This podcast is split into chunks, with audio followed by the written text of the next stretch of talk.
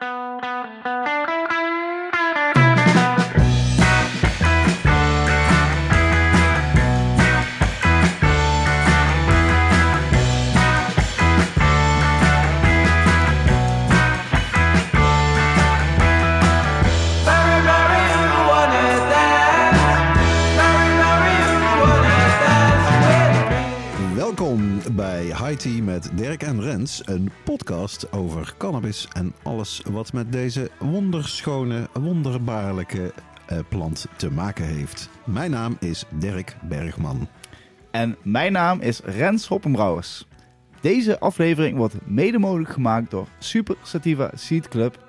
Hoogwaardige cannabiszaden voor geavanceerde kwekers. Verkrijgbaar op www.supersativaseedclub.com. Zo is het maar net. We hebben in deze aflevering heel veel nationaal en internationaal cannabisnieuws. En we hebben natuurlijk een gloednieuwe rubriek met het splinternieuwe jingle. Met een splinternieuwe jingle. Het High Tea Podcast Kweekhoekje. Daar heb ik echt veel zin in. Eh, we hebben dus geen gast in deze 55ste aflevering eh, van High Tea met Dirk en Rens. Eh, de corona-quarantaines hebben ons enige parten gespeeld wat de gasten betreft. Maar daarom hebben we gekozen voor extra veel inhoud in deze eh, 55ste aflevering. Yes. En we geven je een uitgebreide update over de wietproef. En bespreken het slechte nieuws over koffieshop Jemig de Pemig in Almelo. Wie kent ze niet? En de zogenaamde schaarse vergunning, vergunning pro- pro- problematiek. Ja, waar meer eh, coffeeshops eh, helaas mee te kampen hebben. Eh, we gaan het ook hebben over de grote politieactie rond de Eindhovense coffeeshop Indian. eh, een CNN-reportage over het effect van corona op de Amsterdamse coffeeshops. En cannabisnieuws uit Italië, Duitsland, Spanje en de Verenigde Staten. Zo, dat is in ieder geval een berg.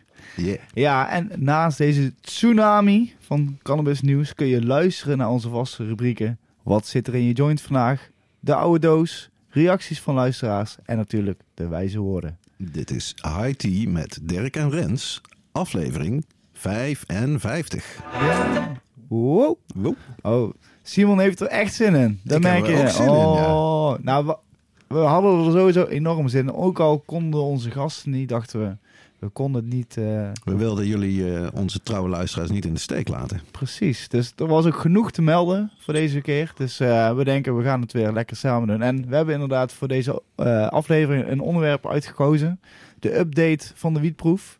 Omdat, ja. omdat we toch zagen dat er toch veel vragen zijn. En mensen zijn toch heel nieuwsgierig hoe het nu gaat. En omdat jij, Rens, natuurlijk inside info hebt. Dus blijf hangen voor de wietproef update. Precies, dat hoor je straks. Maar allereerst naar onze eerste rubriek.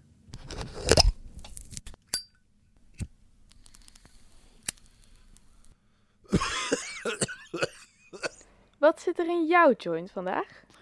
Ja, en omdat we geen gast hebben, beginnen we gewoon met elkaar. Dirk, wat zit er in jouw lekkere joint? Nou, eh lekkere, dat kan je halen. Want inderdaad, ik heb een, eh, een super lekker eh, boutique wietje, zou je kunnen zeggen. Luistert naar de naam Zwirls. Beginnend en eindigend met een Z. En ja, heel interessante heritage, zeg maar. De, de, de, de, kruising die deze plant heeft opgeleverd. Namelijk Spumoni, gekruist met good old Skittles, kan je inmiddels wel zeggen. Skittles, eh, de luisteraar wel bekend. De Z-Turps. En Spumoni, we hebben het net nog eventjes opgezocht voor eh, we gingen opnemen. Dat is die bekende driekleurige eh ijsspecialiteit uit Italië. Roze, wit en bruin. Ja. Eh, en dat is op zijn, eh, op zijn beurt, of op haar beurt, weer een kruising van Dosidos, Leafly Strain of the Year 2021, met Sunset Sherbet. En met name dat laatste, dat proef je er echt wel heel erg uit. Eh, hij ruikt spectaculair, echt ja, zoals nieuwe wiet kan ruiken. Dat gelato-achtige, ja, een soort zoete ijsgeur. en als je hem dan gaat grinden, dan komt er wel wat meer bij. Eh, diepere tonen, zou je bijna kunnen zeggen. Meer dan alleen maar dat, dat zoetige, lekker eh, kruidige. Ik moest denken aan een, toch een soort vleesgeur. ja, ja, dat kan ik wel begrijpen. Ja, ja. Ja, die ik van vroeger ook wel associeer met eh Thaise wiet. Met name gewoon puur Thaise eh, strains. Dat je soms ook dat ja, heel gekke, dat je denkt, het enige, als ik al iets kan noemen waar dit naar ruikt, wat ik ken, is het zeg maar een soort vleesgeur. nou ja, ik, ik rook hem al een tijdje, moet ik zeggen, die, eh, die swirls, want hij is gewoon heerlijk. En eh, ja, next level, zoete, inspirerende, fijne wiet. Ik weet niet precies wat de verhouding met al die kruisingen is tussen indica sativa. Maar... Ja, het zal wel een indica dominant uh, wiet zijn. Ja, maar ik vind hem toch ook wel eh, overdag goed rookbaar en geen, geen couchlokker, zo gezegd. Ja, het, Dus- is, het is een heel fris wietje. En jij kent hem ook wel, Ja, ik ben, ik ben een groot fan. Verkrijgbaar in het zuiden des lands, heb ik begrepen. In Maastricht in ieder geval. Ja, je hebt een koffieshop, eh, volgens mij... Ik weet niet helemaal goed hoor, maar volgens mij iets van eh, Club... Iets eh, club, ja. Club, Club, Club 69 of zo. In ieder geval een hele leuke koffieshop in Wat zit er eh, bij jou in, eh, Rens? Nou, ik denk laat ik eens even very old school doen. En het is, eh, we nemen deze podcast eh, redelijk vroeg in de middag op. Dus eh, ik denk, ik ga niet de, de, aller, de allerheftigste indica weer pakken, die ik toch graag rook tijdens de podcast. Ik heb toch de Amnesia Haze Een gepakt. eh, klassieker, ja. Gewoon puur omdat ik dacht, ik wil een beetje knallen. Ik wil een beetje, ik wil er toch bij zijn. Lekker babbelen. En ik moet zeggen, puur ro- rookt zo'n amnesia toch beter dan ik altijd had verwacht. Ik dacht Ja, want je dat... kijkt een klein beetje op neer, heb ik wel eens het idee. Ik Nou, vind het een beetje te middle of the road. het is een beetje de... Ja, hoe moet je het... De in- power plant van... eh, Nou, het is gewoon een beetje... eh, 20. ja, een beetje de massa van... Het is echt de massa soortje die nou Ja. gewoon praktisch in, in elke koffieshop wel te verkrijgen is. En er bijna alle kwekers kweken graag amnesia, omdat het gewoon hele stabiele, ehm, ja, stevige plant is die ook tegen alles goed eh, weerbaar is. ja, Dus zoals is inderdaad gewoon- vroeger, power plant. Oké, ja, precies. En daar kon je ook, eh, die kon je onder tientallen namen eventueel eh, verkopen. Net wat maar hip was, zeg maar. Maar Ja. het was eigenlijk allemaal powerplant. Ja. Precies, ja, nou deze wordt ook op echt honderd manieren verkocht. Super Silver Race, hoe je het ook kan noemen. Maar het is inderdaad, het is gewoon een heel lekker actief wietje. Die je in ieder geval eh, wel door de podcast heen eh, krijgt. Uitstekelbaar. Daarnaast heb want, ik nog een klein beetje ehm, sunsets bij. eh, Oké, Gewoon mocht het eh, uit de hand lopen. Dan hebben we ook nog een iets, eh, iets steviger wietje. dat blijft toch ook wel een super strain. hè? Oh, ja, ik heb, ik heb, ik heb toen wat eh, kunnen overnemen van iemand toevallig. En ik ben daar zo blij mee. Het is echt een eh, ontzettend goed wietje die gewoon lekker mixt Zijn met... ogen glinsteren ervan, luisteraars. Ja, kijk, eh, elke dag biefstuk is ook niet lekker. Maar als zo'n biefstukje is, dan eh, wil je best wel, eh, wil je best wel Variëren. in. Ja, zeker weten. Ik, ik zeg, laten we hopen dat in ieder geval de luisteraars ook iets lekkers aan het roken zijn. En op naar het nieuws. Op naar het nieuws.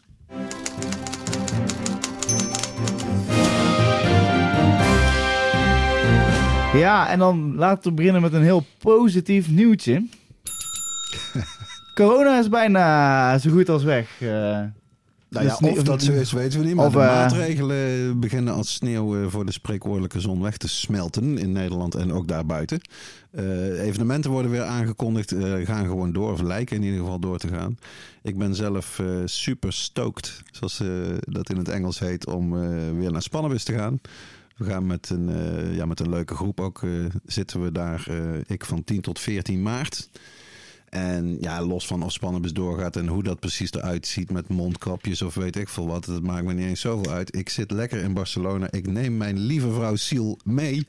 We gaan naar de clubs, we gaan aan het strand zitten. We gaan lekker wiet roken, mensen ontmoeten. En podcast opnemen.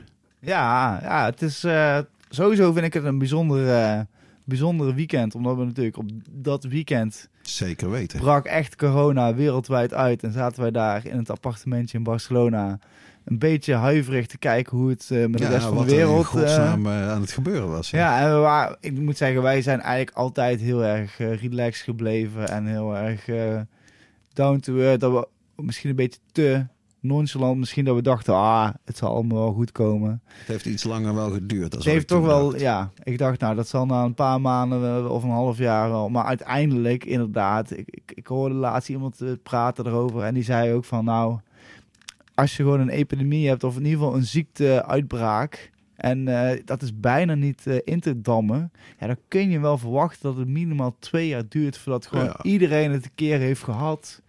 En dat het op een gegeven moment een beetje... dat iedereen een antistoffen ervoor heeft opgemaakt. Zodat toch de maatschappij weer door kan. Nee, want ook een, een leuk nieuwtje vond ik dat. Eh, ik kreeg ook meteen eh, gratis kaarten uh, daarvoor eh, toegestuurd per mail. De Green Tech tuinbouwbeurs in de RAI in Amsterdam. Een van de grootste van Europa. Die gaat dus door van 14 tot 16 juni. Tot en met 16 juni.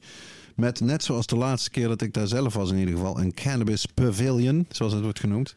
En dat was toen best interessant. Want ook een gedeelte met sprekers en presentaties van ook buitenlandse mensen, Canada, Amerika.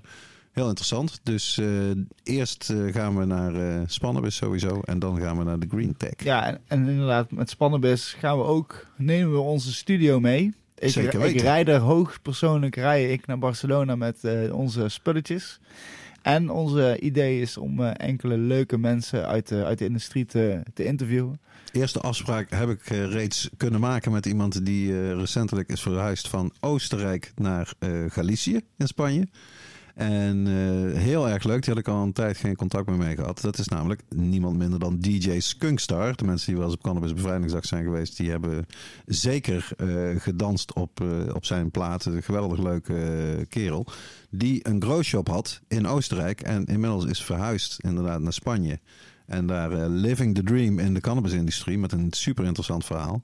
Dus uh, look forward daar naartoe. Uh, vanaf aflevering 57 komen de Barcelona specials eraan. Ja, en ook waarschijnlijk een, een interview. Want we gaan eigenlijk allemaal losse interviews doen met die mensen. En ook een daarvan zal waarschijnlijk Jouke zijn. Van, van Dutch, Dutch uh, van Dutch Passion en Seedstockers. Nou ja, van vroeger Dutch Passion moeten we zeggen. Ja, die, is, inderdaad. Ja. Hij oud Dutch Passion, nu uh, volledig actief bij uh, Seedstockers. Ja, heel interessant iemand. Boordevol ervaring natuurlijk in de, ja. in de cannabisindustrie. Zeer, zeer leuke, leuke, echt een hele leuke kerel. Dus het wordt, een, uh, wordt sowieso een hartstikke gezellig weekje. Ik kan niet wachten. Lekker in de zon. zon. zee, strand, Oh, lekkere wiet, lekkere vrouwen. Ik uh, neem me mee, neem me mee. Ja, en dan nog meer. Gemeente Almelo wil vergunning van het net verbouwde koffieshop Jemig de Pemig intrekken. Ja, Jemig de Pemig, uh, vernoemd naar uh, eigenlijk... Uh, Wat een naam. ja, een goede naam. Een, karakter van, van Kees van Koten en Wim de Bier, of van Kees van Koten in dit geval, Koos Koets. Die deels ook weer toch wel waarschijnlijk is gemodelleerd op Koos Zwart, wiens naam hier regelmatig valt in de podcast. Maar goed, zo, daar is die koffieshop naar vernoemd. Die bestaan bijna 25 jaar. En ineens kregen ze een aangetekende brief van de gemeente op de, de deurmat. Waarin stond dat hun vergunning per 11 juni 2022 uh, gaat vervallen. Dus dit jaar. En uh, tegen de lokale krant Tubantia zegt de voorzitter, want het is een stichting koffieshop, Jemig de Pemig. Zoals ook uh, Stadskanaal bijvoorbeeld, Wizard en de piramide in Bussum. Hij zegt het was een donderslag bij heldere hemel. Dit was het laatste wat we hadden verwacht.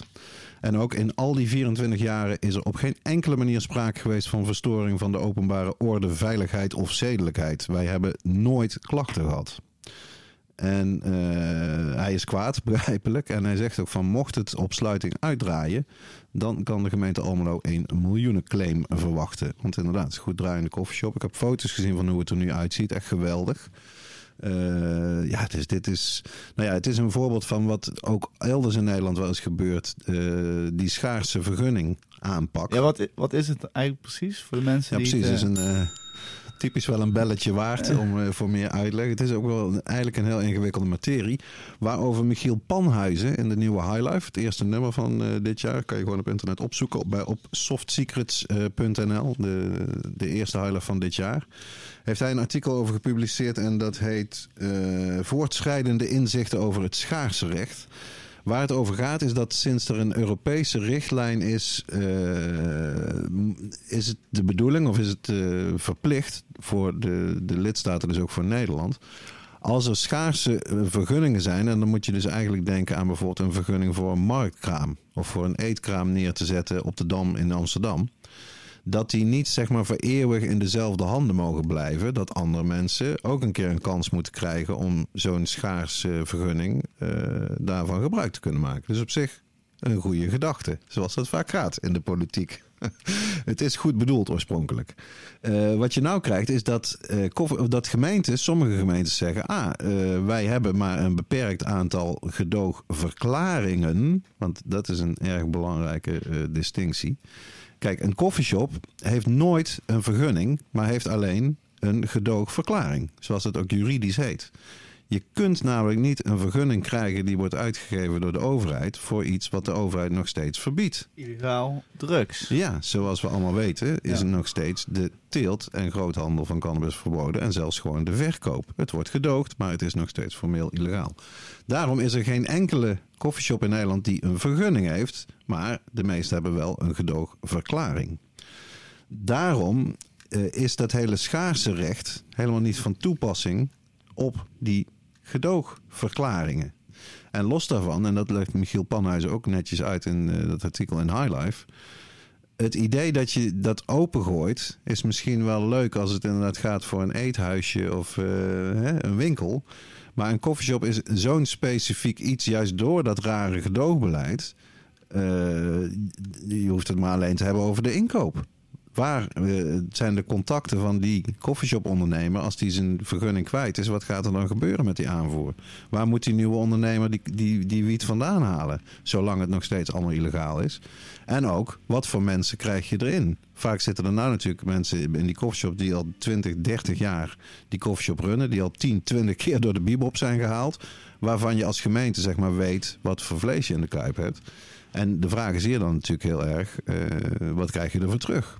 En uh, dat, dat beschrijft Pannenhuizen geloof ik ook, dat in Zwolle of in Deventer heeft dit hele verhaal met die schaarse toegeleid. Dat er dus een inschrijving, een open inschrijving was van, oh, wil jij een koffieshop? Dan kan je daarvoor inschrijven voor de schaarse vergunning, zogenaamd. Ja, daar kwamen gewoon honderden mensen op af. Want er zijn heel veel mensen die wel een koffieshop willen beginnen. Ja. Dus je ziet dat dit, uh, ja, dit is typisch weer zo'n voorbeeld van hoe dat gedoogbeleid ook zichzelf weer in de staart bijt. Want je kunt dus geen vergunning geven zolang de, de, de overheid het nog niet voor elkaar heeft dat het gewoon legaal is.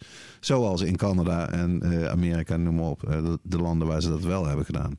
Dus ja, uh, er zijn meerdere rechtszaken geweest inmiddels en ook positieve uitspraken. Onder andere Roermond, Peter Hendricks, Skunk Coffeeshop daar in Sittard uit mijn hoofd. Uh, die heeft gewonnen vanwege deze redenering. André Bekkers, de bekende koffieshop-advocaat, kan dat ook keurig uitleggen. Het is niet van toepassing, want het is geen vergunning. Het is een gedoogverklaring. Maar het moet maar blijken, het gaat nu naar de Raad van State. En uh, dat is zeg maar de hogere rechtsinstantie, want het gaat over bestuursrecht, niet over strafrecht. Dus daar moeten we, dat houden we in de gaten. En hopelijk dat het tot aan de hoogste rechter ook wordt bepaald van dit moet je helemaal niet doen met koffieshop. Want een koffieshop is geen uh, frietkraam, zeg maar. Nee, en, en, aan, aan, en aan de andere kant, zo, die kwam er even moeilijk uit. Toch maar geen amnesia roken de volgende keer. Maar uh, uh, uiteindelijk, de, of in ieder geval de gedoofverklaringen zijn sowieso schaars. Dus uiteindelijk, als ze zo per se een nieuwe eigenaar willen, gooi er eentje bij. Tuurlijk. Zeg gewoon, nou, we willen toch nog een extra verklaring uitgeven of een vergunning. Nee, dat sluit mooi aan bij het volgende nieuws-itempje. Uh, slecht nieuws wat mij betreft. Coffeeshop Indian, wat misschien inderdaad de drukste, of in ieder geval een van de allerdrukste is hier in Eindhoven. Ja, ja. Uh, hij is op dit moment nog steeds open, vreemd genoeg. Maar goed, die hebben dus een enorme inval gehad. Niet alleen in de shop zelf, maar ook in uh, een aantal voorraad opslagplaatsen. Waarvan althans de politie beweert, dat moeten ze natuurlijk nog maar bewijzen. bewijzen ja dat die gekoppeld zijn aan uh, Coffeeshop Indian. Maar los van, het, van wie die opslagplaatsen precies zijn. Uh, we weten allemaal, tenminste alle consumenten in Eindhoven weten dat we hier veel te weinig coffeeshops hebben al jaren. En in plaats van dat we er meer bij krijgen, wat zelfs officieel beleid is. Hè, de gemeente die heeft zich voorgenomen om drie nieuwe coffeeshops uh, te openen in, in Eindhoven. Maar ze blijven alleen maar sluiten. Mijn eigen oude stamkoffieshop, de bakkerij. Uh, de High Times tot augustus van dit jaar. En nou ja, de Indian. In totaal is 300, ruim 300 kilo aangetroffen in al die plaatsen. En wat ze gedaan hebben. Ze hebben gewoon een loop. Uh, ja, precies. Het Eindhoven Dagblad uh, die schrijft daarover in de editie van 10 februari. De vondst is het resultaat van een politieonderzoek naar een koerier. van wie het vermoeden was dat hij met grote hoeveelheden drugs rondreed. Oh my god. Coffeeshops worden aangeleverd omdat ze maar 500 gram op voorraad mogen hebben. Dat moet in de krant. Ja, dus eh, dit noemen ze volgens mij bij de politie doorrechercheren op, de, achterdeur. Ja. Ja, en eh, decennia lang was er een soort gentleman's agreement dat je dat uiteraard niet deed, omdat je daarmee echt het, het hele systeem van de koffieshop ondergraaft. Ja. Want Ja. het moet ergens vandaan komen en het moet dus ergens ook opgeslagen worden. Zolang de overheid die rare regels blijft, eh, blijft houden van 500 gram maximaal voorraad. Of jij midden in het centrum van Amsterdam zit of ergens in eh Almelo of eh, in een Ja, klein ja. dorpje ergens. Dat maakt ook niet uit. Wat ook al aangeeft hoe absurd die regel is. Ja, nou ja, wat ik er zelf over wil vertellen. Het was voor mij eh, wel een beetje... Ik, ik was aan het wachten tot het een keer fout ging eh, bij de Indian, om eerlijk Omdat te het zo zijn. druk was daar. Ja, ik ben daar de laatste tijd een keer een paar keer langs gereden. Ja, Ja, High Times dicht. Eh, maar toch, met, met alle respect... ehm, ik snap dat ze het echt druk hebben, maar ze hebben een enorme grote zitruimte achter in de shop. Want hun, hun balie is echt voor de deur, bij de deur. Klopt. Je, komt je komt binnen, twee meter en je bent al bij de balie. En wat ze eigenlijk gedaan hebben is dus gewoon, of in ieder geval... Ik, durf, ik moet wel zeggen, ik ben de afgelopen half jaar niet meer daar geweest. Dus misschien hebben ze het veranderd. Maar toen ik daar dus was, ze, eh, ze hebben dus een enorme zitruimte die ze dus eigenlijk niet hebben gebruikt om die rij eigenlijk neer te zetten. Ah, oké. Wat, wat, wat sommige coffeeshops hebben gedaan in deze tijd van corona, dat dan heel veel mensen afhalen alleen en toch niet mochten zitten, Hmm. is dat ze hun zitplekken even aan de kant schoven. Ja. Zodat die, dat die wachtrijen in ieder geval niet op straat staan. Zodat ze of overlast geven. Want het is letterlijk echt dat ik, je rijdt er langs en altijd staat er gewoon een rij over heel dat plein. Het is net de oude Sovjet-Unie. En ja, het is gewoon vet in your face, weet je. Ja, je ja, kijkt ja. en denkt, nou, daar staat gewoon een rij. En het ergste was, ik stond te kijken. Ik dacht, zo, daar staat gewoon een rij van 40 man of zo Het is wel buiten. op zich goede reclame voor de wiet die ze verkopen, toch? Dat wel. Misschien dat ze daarom ook doen. Weet je wel? Dat ze het toch wel mooi vinden dat er een lang rij. Maar ik reed er dus toen omheen. En toen zag ik gewoon dat die rij gewoon dubbel was. Die ging dus van de deur naar het einde van een plein. En toen ging het ook weer terug van het plein weer terug naar de deur. Ja, voor mij is dat toch vooral eigenlijk eh, aanschouwelijk maken hoe, eh, hoe groot het tekort aan koffieshop is Ja. in Eindhoven. Want wij zijn ook, zoals het landelijk eigenlijk ook is gebeurd, het aantal koffieshops alleen maar daalt het. Terwijl de Nou, nee, bevolking ja. neemt toe, weet je wel. Ja. Eindhoven, ook nog Super stad met heel veel expats. expats die ook gewoon lekker jointje willen roken. ASML. Come on. Eh, omliggende in de regio steeds minder coffeeshops ook, weet je wel. Dus waar kan... Moeten die mensen natuurlijk, die moeten ook allemaal naar Eindhoven. Dus weer meer Ja, druk je, daar. je hebt gewoon best, eh Nune, Ja, Gelderop. Veldhoven, eerst al die dorpen. Nou, Helmond heeft natuurlijk wel één. Dat, dat is zo. Maar die, zouden, ja, die zijn ook al bezig, ook jaren, zonder dat het lukt om er meer dan één te doen. Want ja, dat is ook... Kijk, als je weer maar één koffieshop hebt in een gemeente... dan is er ook weinig incentive om het extra goed te doen natuurlijk voor die koffieshop ondernemer. Maar Nee. goed, iemand, we wensen alle la- koffieshops hoe dan ook succes. Nee, ja, dat dat, is het laatste puntje nog over Indian, waarom ze nog open zijn. Dat vroeg ik me dus ook af. Daar heb ik nog eens nagevraagd. En ze hebben dus, eh, er is geconstateerd dat ze dit hebben. En dat moet eerst nog uitgezocht worden. Ja, ja. En als het bewezen wordt dat, is inderdaad dat die 300 kilo echt aan hun gekoppeld kan worden of zoiets.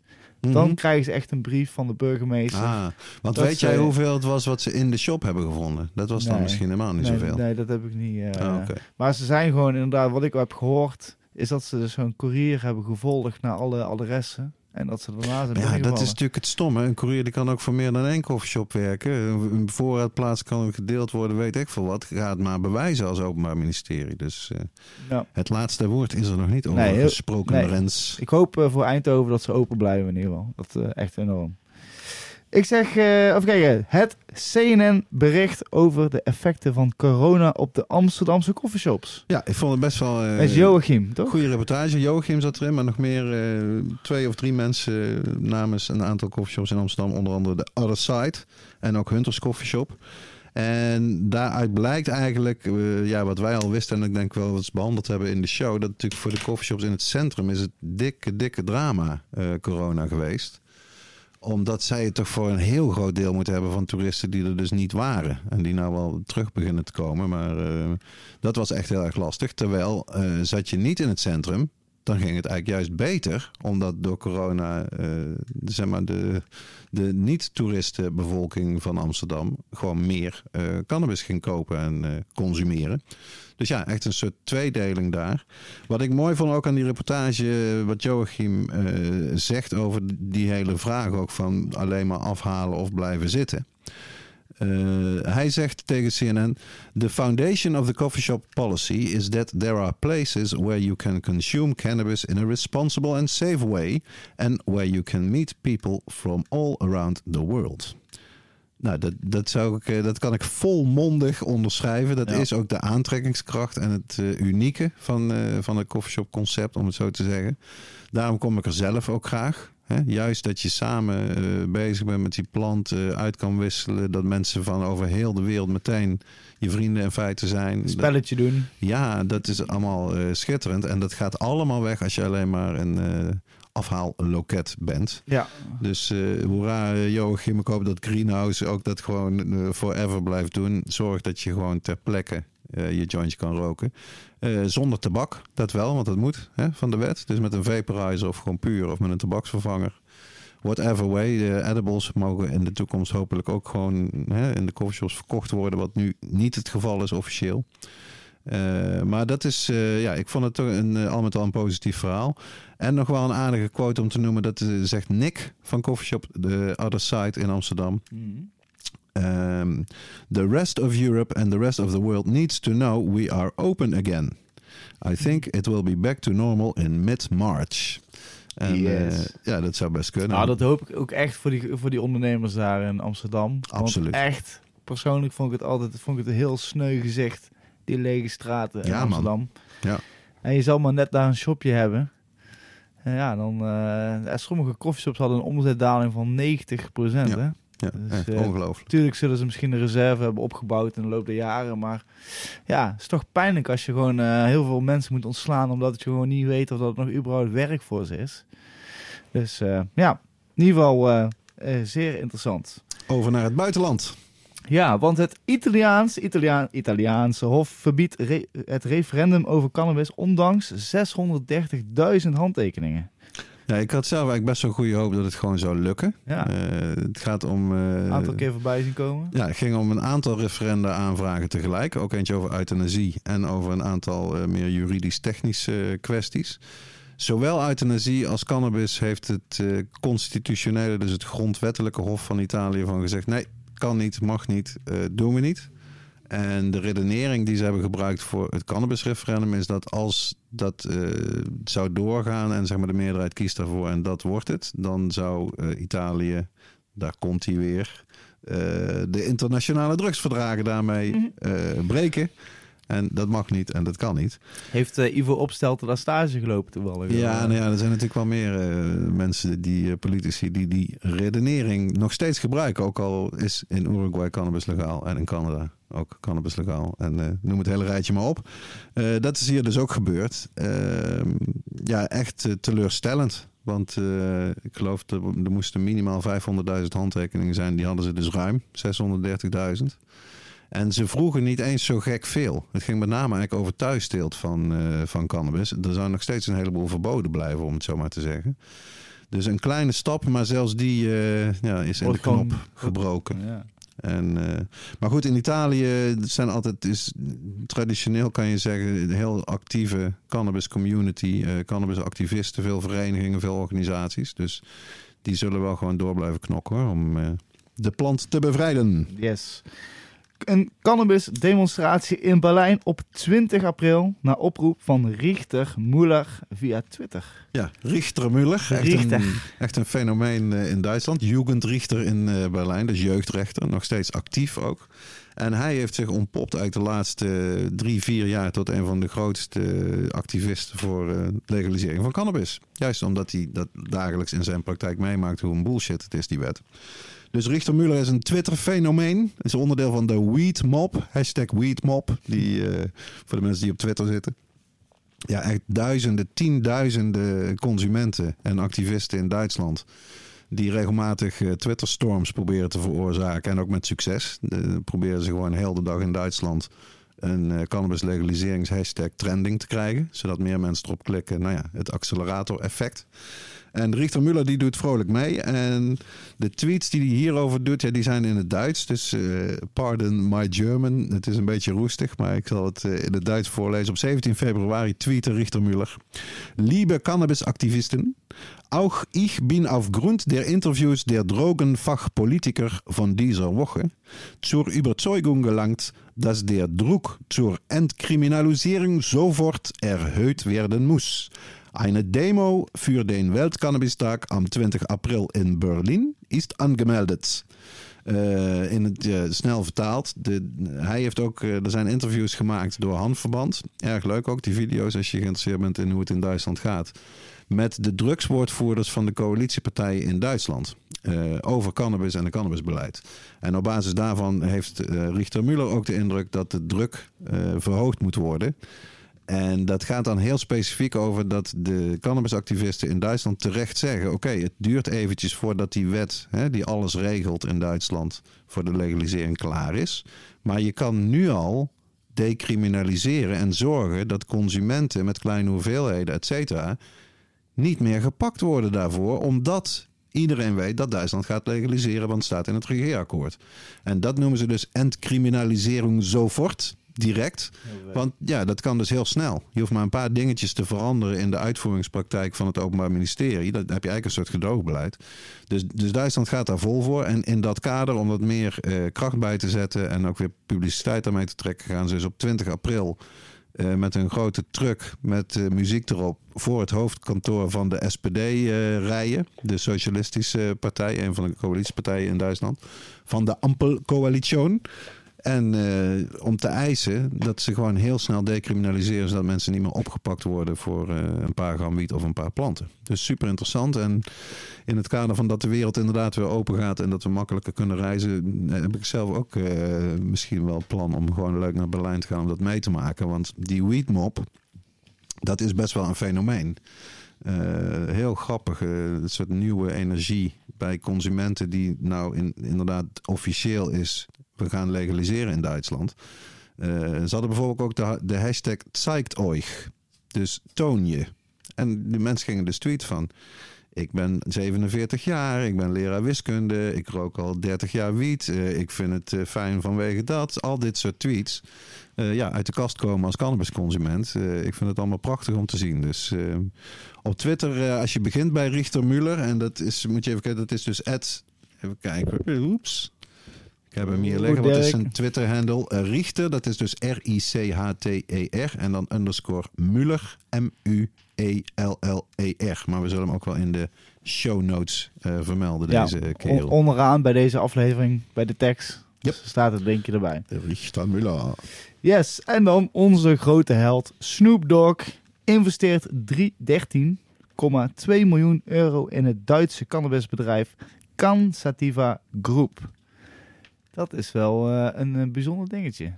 Hij heeft een investeringsfonds, uh, fonds, uh, Snoop Dogg. Dus even kijken, hoe heet dat weer? Casa Verde. Het Groene Huis.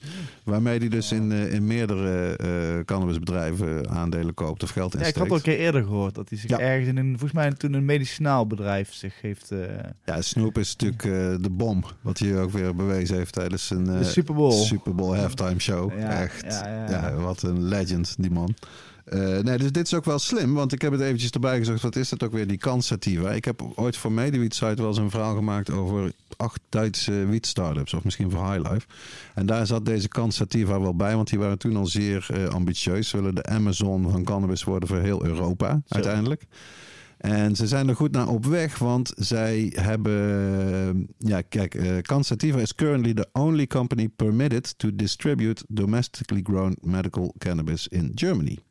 Dus daar hebben ze gewoon monopolie op. Zij mogen het, uh, het verdelen wat er in Duitsland wordt gekweekt. Dus dat is even los van wat Duitsland importeert. Onder andere van Bedrocan. Maar in Duitsland gekweekte cannabis, daar hebben zij het alleenrecht van de overheid gekregen om dat over de apotheken te verspreiden. En als er dadelijk uh, die vakgeschäften uh, gaan komen, dus die vakwinkels, zoals ze dat noemen in Duitsland, voor gewoon normale adult use cannabis, dan staan zij misschien ook wel vooraan om daar eh, qua distributie eh, een hele belangrijke speler te zijn. En eh, Snoop Dogg eh, heeft dat gezien vanaf, eh, vanuit Amerika en heeft er eh, ruim 13 miljoen euro in gestoken. In Nou ja, ik denk dat hij wel wat goede adv- adviseurs om zich heen heeft staan. Die zich goed verdiepen in documentarie. Dus eh, Ja. ja, het is natuurlijk goud. Ik denk dat hun gaan concurreren met Amazon over een tijdje. Ja, nou, het, wat interessant is, dat heeft ook weer te maken met die Weedmob, is dat een van de oprichters van het bedrijf Kansatief had zich wat ongelukkig uitgelaten over thuissteelt. Nou, die kreeg dus onmiddellijk de Weedmob achter zich aan. want eh, terecht, eh, dat is voor mij zelf ook altijd een heel belangrijk punt geweest. Als jij als legaal cannabisbedrijf eh, je uitspreekt tegen thuissteelt, dan wel voor politie ingrijpen tegen thuissteelt, dan hoef je bij mij niet aan te komen. Dan Nee. ga ik jou boycotten, dan ga ik jou shamen. Dat slaat nergens op. Dat kan je echt niet doen. En je hoeft het ook niet te doen. Dat is ook nog belangrijk, want je gaat daar echt geen omzet aan verliezen. Dat is hetzelfde met Nederland met coffeeshops, weet je wel. Dat is echt heel kortzichtig en dom om te denken dat thuissteelt eh, jouw omzet scheelt. Want het wordt er alleen maar beter van. Dat zijn mensen die er echt voor gaan. Die kopen nog steeds wel bij de coffeeshop. Of ze kochten al niet bij de coffeeshop. Dus Ja. dat Ja. is geen enkel probleem. In eh, nog, nog een eh, eh, Amerikaans nieuwtje. De leider van de Democraten in, het Amerikaanse, of in de Amerikaanse Senaat, Chuck Sch- Schumer, Schumer. Schumer, kondigt de legaliseringswet aan voor april. Dat is al nummer drie al in de korte tijd in ieder geval. eh. Ja, je hebt natuurlijk Nancy May. Dat hebben we in de vorige aflevering ook behandeld. Een Republikeins eh, congreslid. Die dan weer met haar eigen eh, legaliseringswet komt. Maar ja, deze Chuck Schumer is wat je dan inderdaad Senate Majority Leader noemt. In ieder geval tot aan de, de verkiezingen. De aanstaande halftime verkiezingen in, in november in Amerika. Heeft hij daar die meerderheid, maar hij heeft meer, eh, hij heeft denk ik tien senatoren nodig van de Republikeinen voor, voor wat hij ook wil doen, inclusief die legaliseringswet. Maar hij was bij een bijeenkomst, ja, dat zegt toch ook wel iets over de tijd, eh, at an event with advocates for federal legalization of marijuana. Dus hij stond gewoon in een zaal vol cannabisactivisten, mensen zoals jij en ik, om het zo maar te zeggen. En daar zei hij van eh, dat het echt zijn prioriteit is en dat hij eh, de weight of his office erachter gaat zetten. En dat ja, in april zou die, zou, zou die legislation, die wetgeving dan gepresenteerd worden. Eh, it could be ready for floor action before this fall's midterm elections. Ja, dat zijn dus die verkiezingen in november. En het is ook wel slim dat hij een beetje gas geeft. Want Biden, eh, die horen we er nog steeds eigenlijk nauwelijks over. Dus ja, als ze daar nog met die meerderheid die ze nu nog hebben... iets eh, constructiefs mee willen doen qua wietwetgeving op federaal niveau... dan moeten ze er snel mee zijn. En hij zegt in ieder geval, deze Chuck Schumer, dat hij dat gaat doen. Dus laten we hopen dat hij zijn woord houdt. Nou ja, het wordt steeds positiever in ieder geval aan de andere kant van de oceaan. Dat wel, eh, ja, absoluut. Uiteindelijk mogen we niet klagen. Kwestie van tijd voordat het eh, federaal niveau Ik kan ook niet wachten tot de eerste, omraadt. eerste dispensaries eh, nou, daar geopend of we gaan openen in New York. Ja. De stad dat, eh, dat niet slaapt. Ja, want Dus dat lijkt me ook, ben eh, misschien eh, dit jaar ga ik dan eindelijk ook eens een keer naar Amerika toe. Omdat mijn zus daar al heel lang woont. En dat is een voornemen. Maar Dus woont, woont hij op de, de East of de op West de Coast? East Coast. Dus Ah, ik moet eigenlijk timen. Dan kan ik misschien zelfs wel op de dag dat het legaal wordt, dat de winkels open gaan. Dat wil ik nou ook graag een keer meemaken. Zo'n staat die flipt van verbod naar legaal. En wie weet kan het in New York. Moet je wel eh, rekening houden met eh, volgens mij rijden. Drukte. Rijden vanaf hier eh, tot Amsterdam Centraal. Ik ga met mijn zus in de rij staan. Ja. Nou, neem een tentje mee. en haar eh, meerderjarige kinderen. ja, dat is bijvoorbeeld cool. Eh, een van haar dochters heeft een medical card. Oké, Dus die kan al legaal. Maar je wil natuurlijk gewoon helemaal precies. legaal. Ja, nou, ik, ik, ik zou zeggen, maak er in ieder geval een paar mooie foto's van eh, als je daar bent, Dirk. Hell yeah. De, of een Spaanse parlementaire commissie buigt zich eindelijk over medicinale cannabis. In Spanje. Ja, Dat is eigenlijk heel gek, want eh, iedereen weet, ja, cannabis social clubs, eh, uitbundige cannabiscultuur daar. Veel grote bedrijven zijn er natuurlijk gevestigd. eh, ja, echt een cannabisland. Maar nog steeds niets geregeld officieel voor medicinale cannabisgebruikers. Er is daar helemaal geen legale medewiet te krijgen, nergens. Het staat gewoon niet in de wet. Dus het lijkt dat ze daar eindelijk nou serieus eh, verandering in gaan brengen met deze senaatscommissie die begonnen is op eh, 16 februari volgens mij. En werkt door tot 22 juni. En het idee daarvan is study how medical cannabis programs work in other countries and listen to experts to prepare a report with the recommendations that the government will use uh, to regulate therapeutic cannabis. Dus dat is mooi. Uh, ze gaan ook vanuit de landen uh, waar het allemaal geregeld is, inclusief Nederland neem ik aan, de experts daar laten komen om daarover uit te leggen. En dat vond ik nog een mooi detail. Dankzij de Baskische Nationale Partij zijn die verhoren uh, via internet uh, te volgen. Voor mensen die het interessant vinden. Jammer dat mijn Spaans niet zo goed is. Want ik wou net zeggen, en je moet Spaans goed... Dat, nou ja, het is super interessant natuurlijk. Ja, ja, zeker. En ik, ja, dat ziet er toch wel zo solid uit dat we mogen verwachten dat Spanje ook eindelijk met gewoon wetgeving komt voor ja. Mediwiet. Ja, zeer interessant. Um, uh, een documentaire van Thijs Roes. En die moeten we ook zeker nog een keer uitnodigen voor, uh, voor deze podcast. Zeker weten. Hij staat op onze wishlist. We gaan achter hem aan. Ja, documentaire Thijs, van... if you're listening. We need you. We want you. Nee. Documentaire van Thijs Roes over de drugsoorlog op de Filipijns, of in de Filipijnen. Die is online op YouTube, geloof ja. ik. Ineens was hij er. Ik zag een tweetje van, van Thijs, die ik al jaren ken. Uh, ja, een heel interessante kerel, journalist. Veel over drugsbeleid uh, geschreven en ook video's gemaakt, maar ook over andere onderwerpen, waaronder uh, sterrenkunde. Ja, hij is eigenlijk een astronaut. Ruimtevaart, hij is eigenlijk een astronaut. en ik wist wel, ik had hem wel eens over horen vertellen dat dit eigenlijk een van zijn grote projecten was. Hij heeft er dus 2,5 jaar aan gewerkt, aan een documentaire over de, de vreselijke drugsoorlog van Duterte op de Filipijnen. Hij heet uh, simpel de Filipino Drug War. We zetten de link naar de YouTube ook uh, in de show notes. Dat is echt wel een aanrader. hij is misschien iets aan de lange kant. Dat wat korter gekund. Maar ja, hoe kan blame hem voor zo'n groot project. Maar zeker de moeite waard. Wat ik ook heel interessant vond. het deel over Charles Brandt. Dat is een Canadees-Amerikaanse bisschop notabene. De eerste bisschop van de Filipijnen toen dat uh, niet meer van Spanje was, maar toen Amerika daar de baas werd. En deze kerel is een soort kruistocht begonnen tegen opiumgebruik op de Filipijnen. En was daarmee eigenlijk de allereerste drug warrior. Hij zat nog lang voor Enslinger en al die idioten. Want dit was ongeveer ja, rond 1900, 1902 dat hij daar bisschop was. En uh, eigenlijk begon met die hele morele, morele strijd van... hey, er liggen hier uh, mensen opium te schuiven. Dat is iets anders als alcohol, wat ik ken. Dus dat moeten we verbieden. Uh, ja, heel interessant. En ook interessant hoe dat zeg maar leidt tot die excessen die we de afgelopen jaren hebben gezien met Duterte. Dat uh, reconstrueert hij allemaal heel erg mooi. Hij is ter plekke geweest, heeft daar ook gefilmd op, in Manila en omstreken. Dus ja, schokkend, maar ja, toch de moeite waard. Dus ik zou zeggen, Ga hem bekijk, kijken. bekijk die docu. Ja.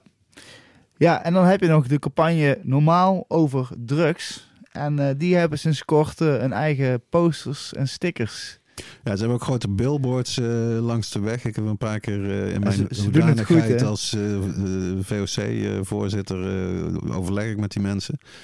Ja, er zit in ieder geval veel frisse energie achter. Uh, ze, ze, doen allerlei dingen. En je merkt dat mensen dat ook leuk vinden en ook beginnen op te pikken in het land. Dat je dus gratis uh, die posters en stickers, zoveel je maar wil, basically kan uh, bestellen.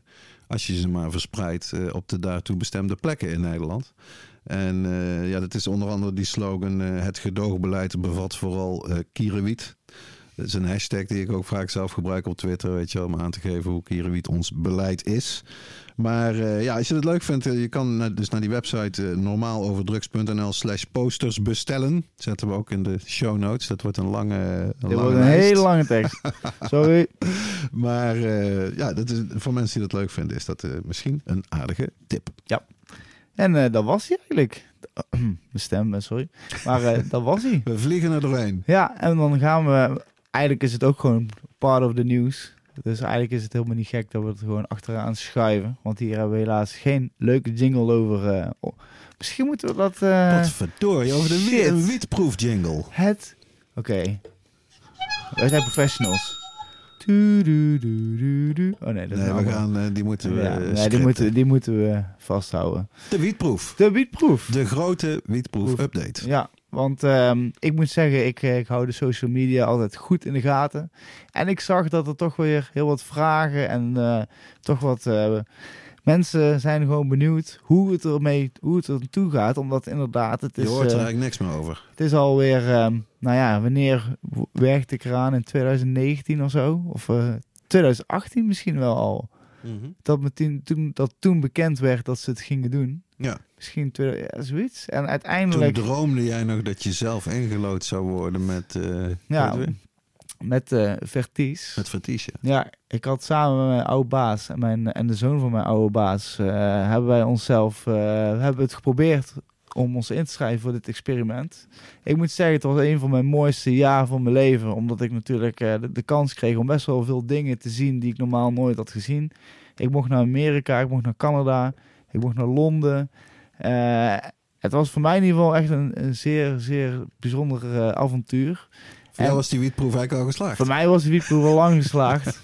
Voor mij hoefde het natuurlijk al niemand te doen ook. Maar eh, nee, het was gewoon, eh, het was zo'n grote kans. En je Ja. zie, ik zag ook al direct. En, en dat is ook echt niet om eh, tegen de kwaaie been te schoppen van de, de hedendaagse kweken. Maar ik zag gewoon dat daar gewoon de toekomst in zat.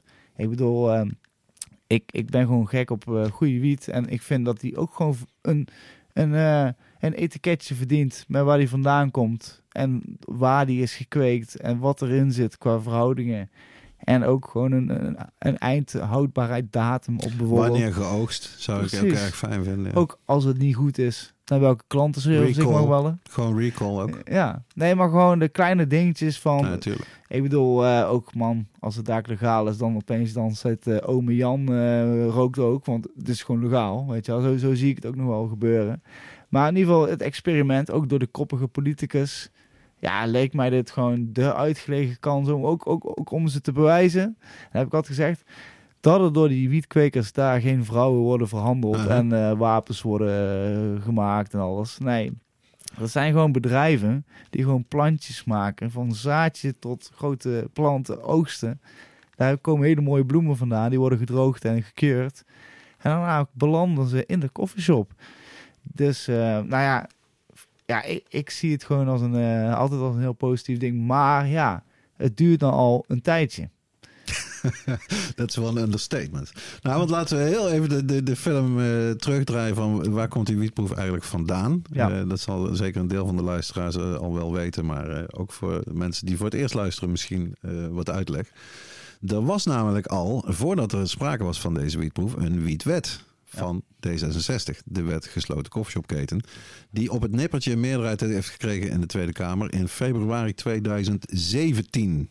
Kun je nagaan. Dat is dus alweer ruim vijf jaar geleden. Ja. Het was een kleine meerderheid, maar het was wel een meerderheid. Eh, normaal gesproken gaat zo'n wet die een meerderheid heeft gekregen, zo'n wetsvoorstel in de Tweede Kamer, gaat dan naar de Eerste Kamer. Die moeten er nog een keer over stemmen. En als die er een klap op geven, dan komt hij in de staatscourant. En daarmee heeft hij kracht van wet. Eh, dat kan snel gaan. Dat kan ook eventueel weer terug worden gestuurd, maar dat ligt er allemaal aan. In dit geval is hij nog steeds niet tot op de dag van vandaag doorgestuurd naar de Eerste Kamer. Want er kwam een nieuw kabinet Rutte. Het derde. We zitten inmiddels in het vierde kabinet Rutte, maar dit gaat over het derde. Eh, daar is eh, besloten, ja, wacht eventjes, eh, wietwet, voor heel Nederland de achterdeur reguleren. CDA ligt dwars, ChristenUnie ligt dwars. En daar is de wietproef uitgeboren, onder een kwaad gesternte, zou je kunnen zeggen. Omdat CDA en D66 niet eens konden worden over hoe je dit zou moeten doen.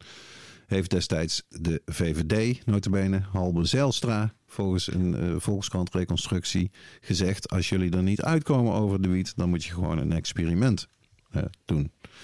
En dat is in ieder geval wat mij zelf ook altijd heeft tegengestaan. Eh, dat experiment is er niet zozeer gekomen omdat dat de beste manier is om te gaan legaliseren. Of omdat er geen kennis was over hoe je moet legaliseren of reguleren. Nee, dat is door en door een compromis tussen partijen die het fundamenteel oneens zijn over welke kant je op moet met die wiet. Namelijk D66, hè, maak het helemaal legaal en regel het gewoon.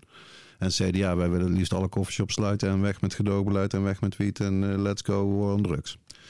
Dus dat is een slecht ding. Eh, maar voor mij betekent dat in ieder geval niet dat je ook moet zeggen dat is dus speciaal eh, verzonnen om te mislukken. Of dat kan nooit iets worden. Of weet ik veel wat. Nee, want eh, ik weet inmiddels ook, serieuze bedrijven zijn mee bezig. Die ambtenaren die zijn ook serieus om hier een succes van proberen te maken. Ondanks alle regels en beperkingen. Dus ik, ik heb een beetje een middenpositie. Eh, ik kan me voorstellen dat het toch mislukt. Juist omdat de beperkingen en regels zo streng zijn en zoveel. Hè? Eh, wiet moet vervoerd worden in eh brink geldwagens. En elke beweging van plan moet geregistreerd worden. En aan drie verschillende instanties worden doorgegeven. Dat is allemaal een beetje te veel.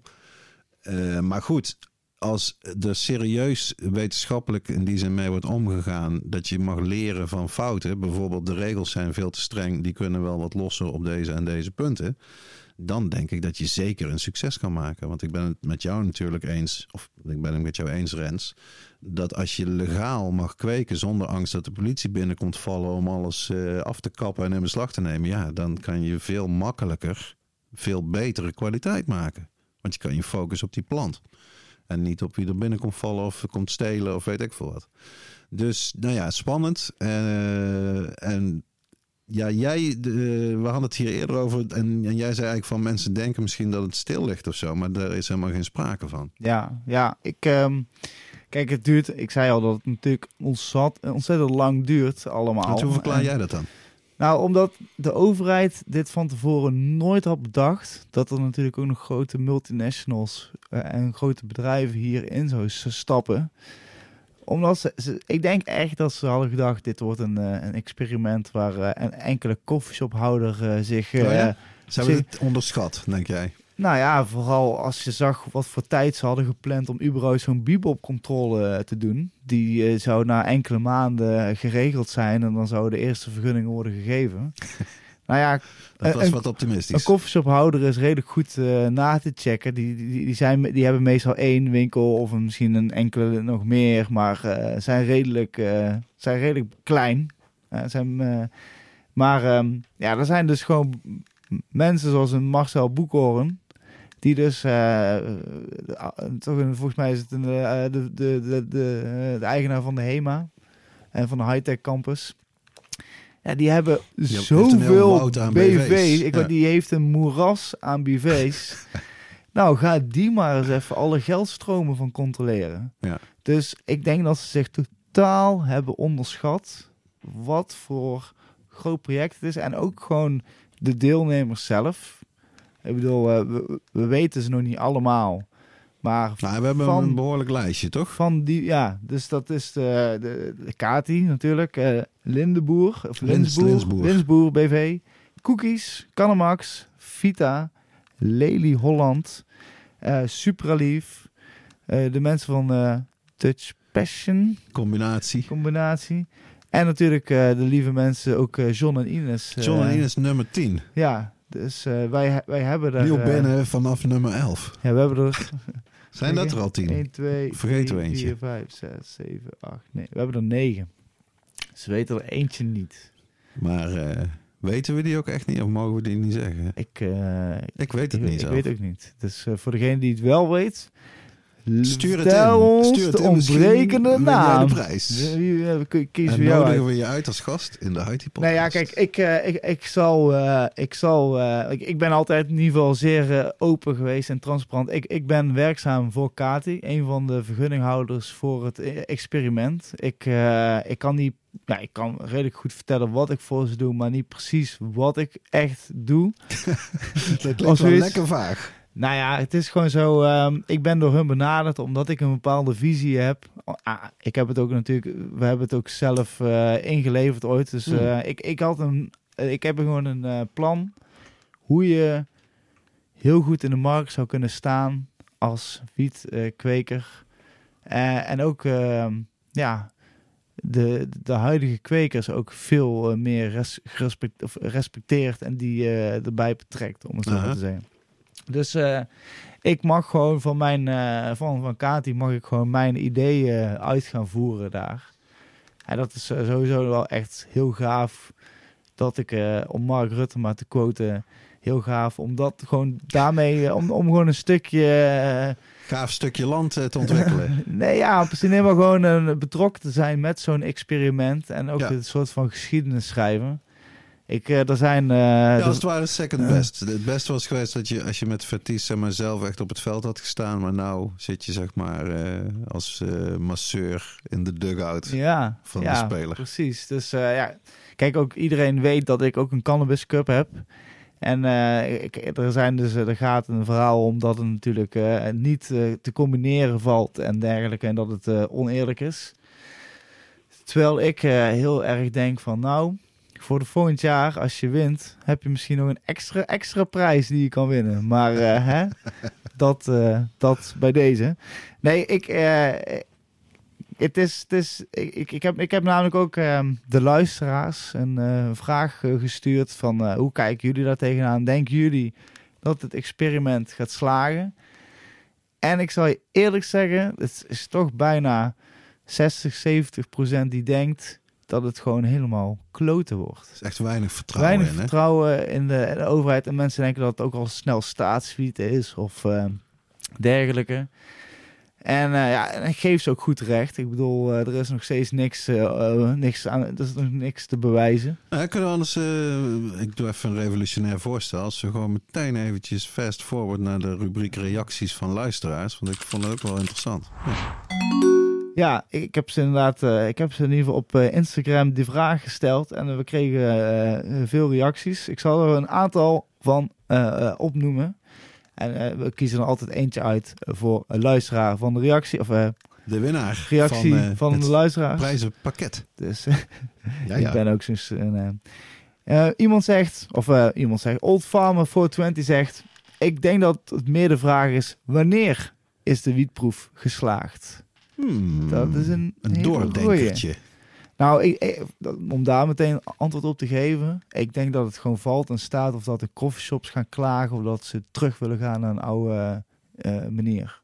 Hmm. Als eh, op een gegeven moment van de Maar coffeeshops... zit het dan niet ultimately bij de, bij de klanten, bij de consumenten die, die het wel of niet eh, cool vinden?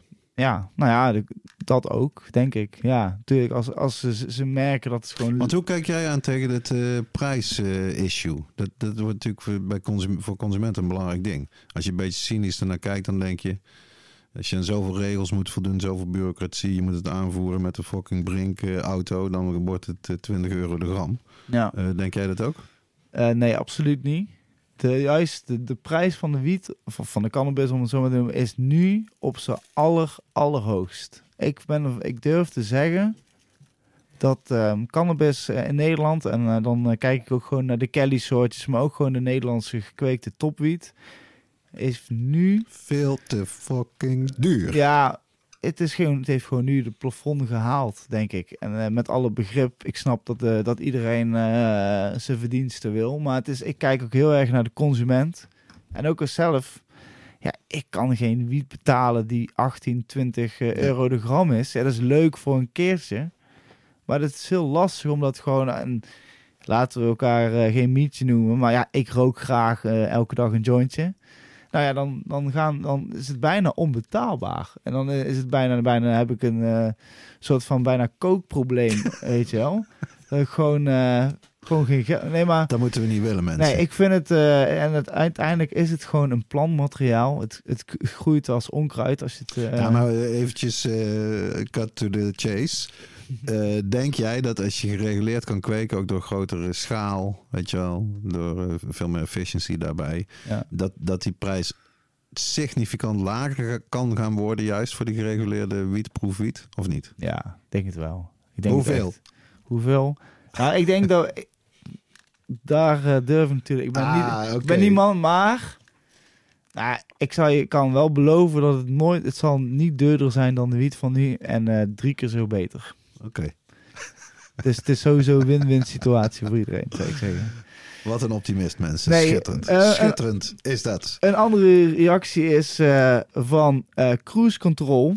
En eh, ook een vaste luisteraar. eh, die zegt, "M- ik mag het hopen. Als ook gezonde wiet in een shop aan een verantwoordelijke... Met een, eh, ja, het is waarschijnlijk een Belg. Aan een verantwoordelijke prijs, kwaliteit.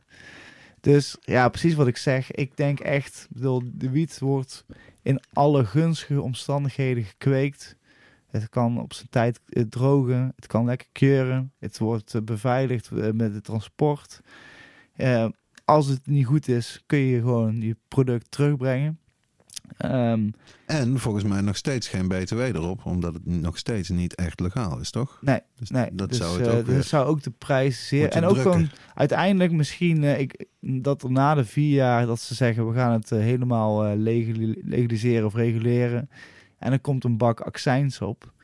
Ja, dan wordt de prijs natuurlijk eh, significant duurder, om het, om het maar zo te zeggen. Ja, ja, ook heel leuk, Jouke, onze grote vriend Jouke van Seedsockers heeft ook gereageerd. En die zegt, wat is slagen?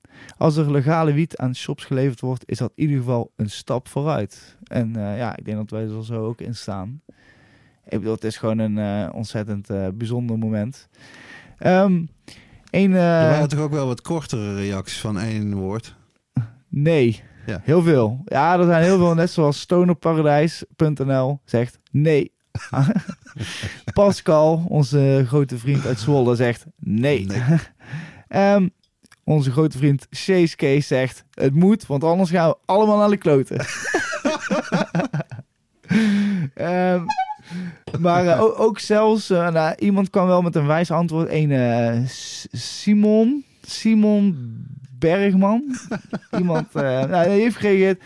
Een wietproef is om dingen te leren. Dus hij gaat sowieso slagen op een manier. Nou, wat, Oké, wat een. Man, die gast moeten we een keer uitnodigen voor deze show. maar ik denk dat we de reactie die we gaan nemen is van My Life is in Cannabis Culture. Heeft gereageerd op de, op de antwoord. Nee, laat thuissteders weer de shops bevoorraden. Maar wie weet loopt het wel. Ja, lucky winner. Lekker- Ja, dat, kijk, uiteindelijk is dat natuurlijk eh, out of the box. En zo is het vroeger ook begonnen. Ja, ik weet ook niet zeker of dat nou echt ooit zou kunnen. Maar ik ben er ook niet mee eens. wat 100%. interessant is dat het wel echt historische wortels heeft, dat idee. Omdat eh, ik ben bene bezig met de research voor een boek over 25 jaar PCN. De Coffeeshop eh Bond, platform Cannabis Onderneming in Nederland. Eh, en daar zie je dat zij vanaf het begin dat eigenlijk heel erg hebben gepropageerd. Omdat dat op dat moment eigenlijk wel de status quo was. Dat je dus heel veel thuisstelers had. Die vaak ook gewoon voor zichzelf kweekten. Alleen dan wat ze extra hadden, wat ze zelf niet oprookten, dat verkochten ze aan de koffieshop. En dat was in die zin de gouden formule. Dat, dat, dat werkt natuurlijk zo. Als jij het zelf rookt, Dan is het goed. dan is het goed. Vaak allemaal verschillende soortjes, omdat Ja. je allemaal kleine bedjes hebt en zo. Ja, dus dat, was... een systeem. En eh, opa vertelt, midden jaren negentig, toen eh, Winnie zorgdrager voor D66 eh, minister van Justitie was, heeft zij dat in ieder geval aan het begin van haar ambtsperiode ook voorgesteld. Dat dat wat haar betreft eigenlijk een hele goede manier zou zijn als je dat bestaande systeem met een soort vergunning iets eh, boven water zou tillen en legaal zou maken, of in ieder geval gereguleerd. Eh, daar is wel gewoon de voet eh, dwars gezet, zou je kunnen zeggen. Maar je kan het denk ik nog wel terugvinden. Het was een beetje de pre-internet age. Maar Zorgdrager heeft in een paar interviews gezegd dat dat eigenlijk wat haar betreft de beste manier zou zijn. Om die achter de problematiek, die toen dus al op de agenda stond, in de midden jaren negentig, echt bijna 30 jaar geleden al. eh, om die op te lossen door dat met thuisstelers te doen. Dus eh, ik vind dit wel een winnende reactie. Ik zeg, het prijzenpakket gaat naar... eh, Ja, eh, My Life in Cannabis Culture. We gaan zorgen dat er een mooi eh, pakket van Super Sativa Seed Club jouw kant op gaat. oh yeah. En daarnaast wil ik nog een laatste dingetje zeggen over de wietproef. Voordat we doorgaan naar onze hartstikke nieuwe vlam, nieuwe blam blam eh, rubriekje. Nee, ik, eh, ik hoop echt dat het, eh, dat, een, dat het experiment gaat lukken. Eh, ik ga er ook mijn uiterste best voor doen. Als mensen vragen hebben of als ze ooit su- suggesties hebben, zet ze hieronder of stuur een mailtje. En ik vind het altijd leuk om de discussie daarover open te houden. Wat jij? All good. Ah. Die mails die kunnen dus, ik zeg het nog maar een keer, naar info at. Podcast met een T in plaats van een D.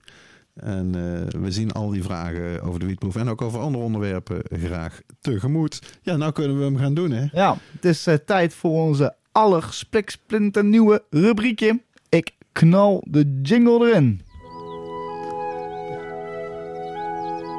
Het High Tea Podcast. Kweekhoekje. Precies. Eh, de vaste luisteraars weten waarschijnlijk wel dat we eh, deze nieuwe rubriek eigenlijk te danken hebben aan een luisteraar, Bertus3000, die ons eind vorig jaar Ja. alweer eh, een mail stuurde. En na een aantal fijne complimenten schreef: Een thema dat ik nog mis in jullie podcast is het buitenkweken. En dan met name Hollandse genetica. Leuk al die cookies en skittles, maar wij Hollanders hebben volgens mij ontzettend veel kennis beschikbaar over buitenkweek. Graag zou ik zien dat er iemand uit jullie netwerk dit thema komt toelichten. Nou, wij vonden dit eh, een geweldige suggestie. En Ja. eh, we hebben gebrainstormd over hoe die rubriek eruit zou moeten zien en ook vooral hoe die jingle zou moeten klinken. Eh resultaat heb je net gehoord. Kunnen we het nog één keer doen? Ja, om nog één keer... Oh, ja, hij is, zo, hij is zo leuk. Het Haiti Podcast Kweekhoekje. Maar ja, eh, leuk en aardig. We zitten op dit moment eh, 22 februari 2022. Mooi hè? 22, 2, 2, 2, 2, 2. Maar dat is hoe dan ook nog rijkelijk vroeg. Je hoeft eigenlijk nog niet zo gek veel te doen als, eh, als buitenwietkweker eh, op dit moment. Ik heb wel een paar tips dadelijk. Maar belangrijker nog is dat wij in onze volgende aflevering, Ja. nummer 56, dat wordt een buitenwiet special. Want dan hebben wij niemand minder dan B van Crowshop Plantarium in Nijmegen te gast. En gaan we in op die dingen die eh Bertus 3000 ook vroeg. Eh, een stappenplan, eh, wat voor zaden, aandachtspunten, valkuilen. Eh, eh, dat gaan we met B uitgebreid doen in de, in de volgende. Maar we kunnen nu al zeggen, dat is altijd eigenlijk wel een goede tip.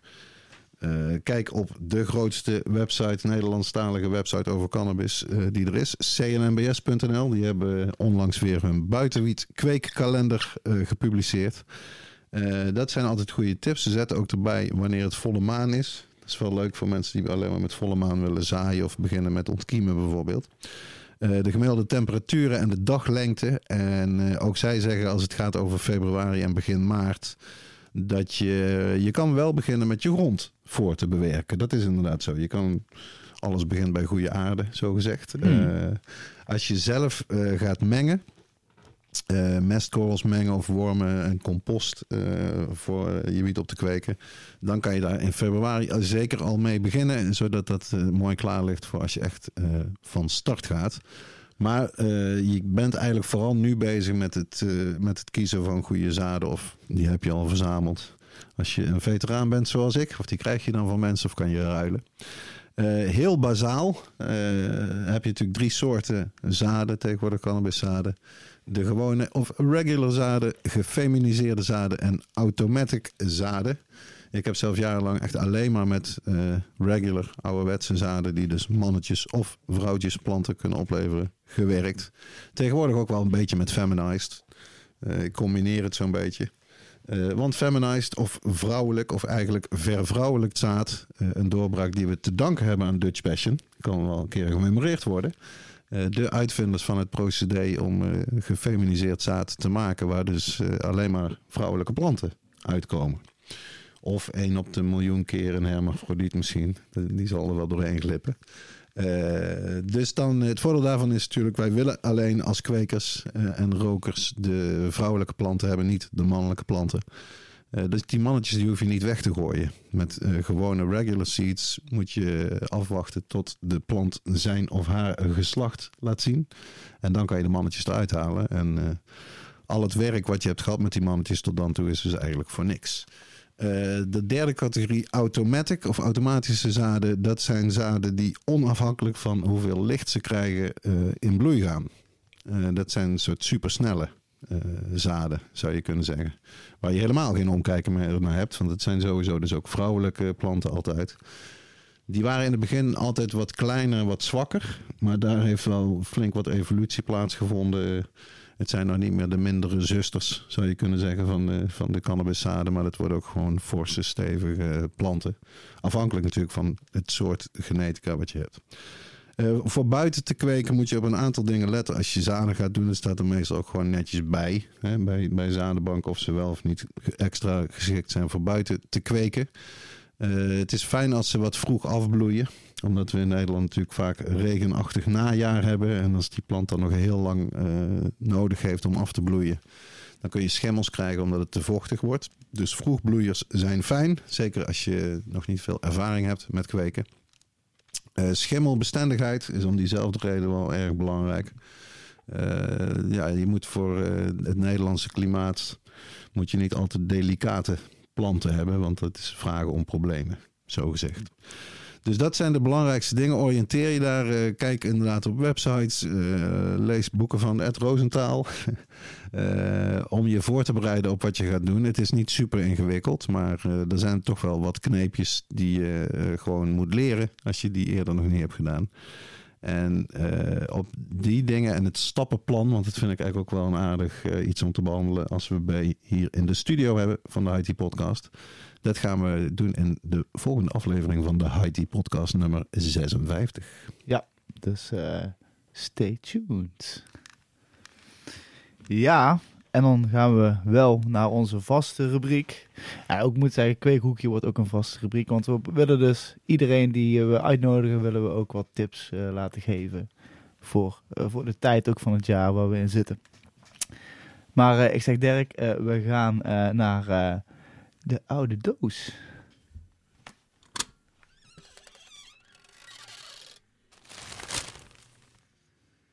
Ja, in de oude doos zit voor deze aflevering het opmerkelijke vonnis van meester Jules Wortel, raadsheer bij de Hoge Raad, van 19 april 2005. Eh, met een shout-out naar Pieter Hoogdoorn op Twitter, Pieter Hoog, die dat eh vonnis eh rondtweette. In het kader van zijn terugblik, Twitterdraad, naar hoe lang we in Nederland al bezig zijn met te proberen cannabis te legaliseren en die achterdeurproblematiek eindelijk op te lossen. Eh, wat dus nog steeds niet gelukt is.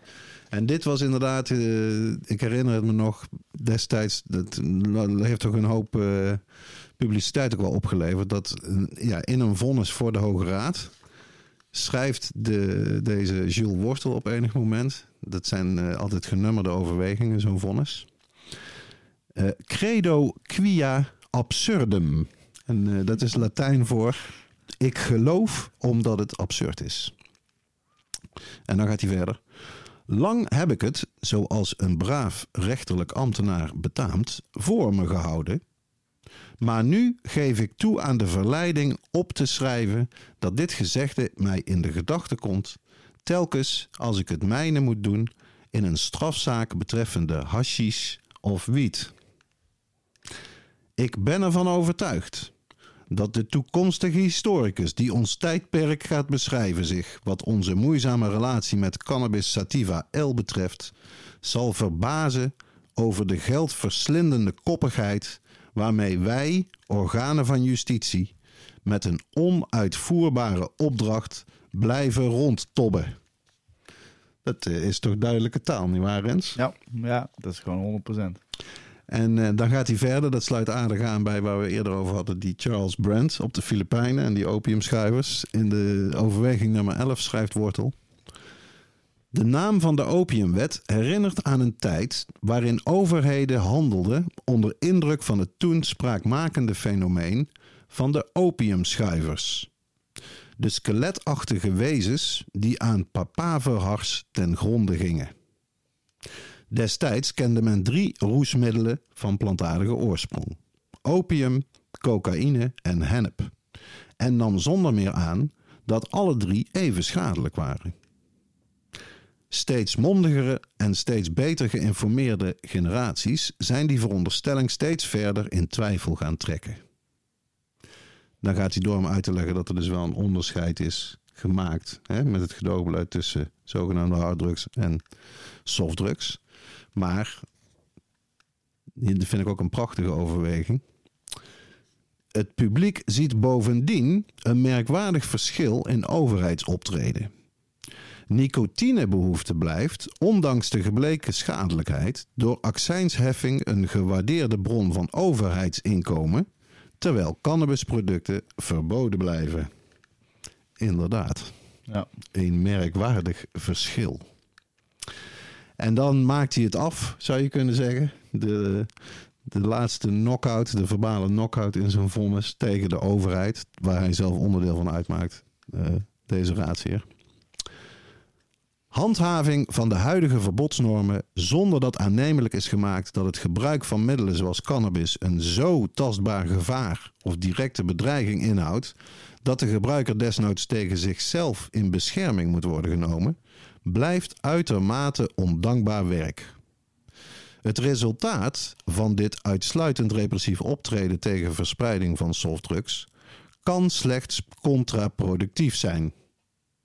Het draagt immers onvermijdelijk bij aan een kunstmatige schaarste, dus een hoge prijs, dus een grote winstmarge en dus een flinke prikkel om die handel voort te zetten.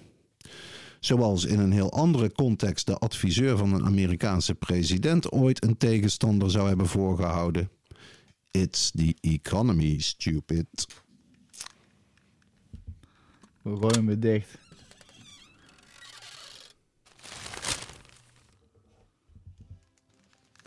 Ja, en eh, dan gaan we wel meteen door naar onze laatste, laatste rubriek. Ben je er klaar voor, Dirk? Ik zit eh, klaar. Ja, altijd. En voor iedereen om het af te sluiten. Dirkse wijze woorden. Wijze woorden. Nou ja, niet mijn wijze woorden, maar door mij gekozen. Eh, door- Wijze woorden? Ah, jouw woorden zijn altijd wijs. In dit geval hele oude eh, wijze woorden, namelijk van Plato, de Griekse wijsgeer. Geboren rond 427 voor Christus en overleden in 347 voor Christus in Athene.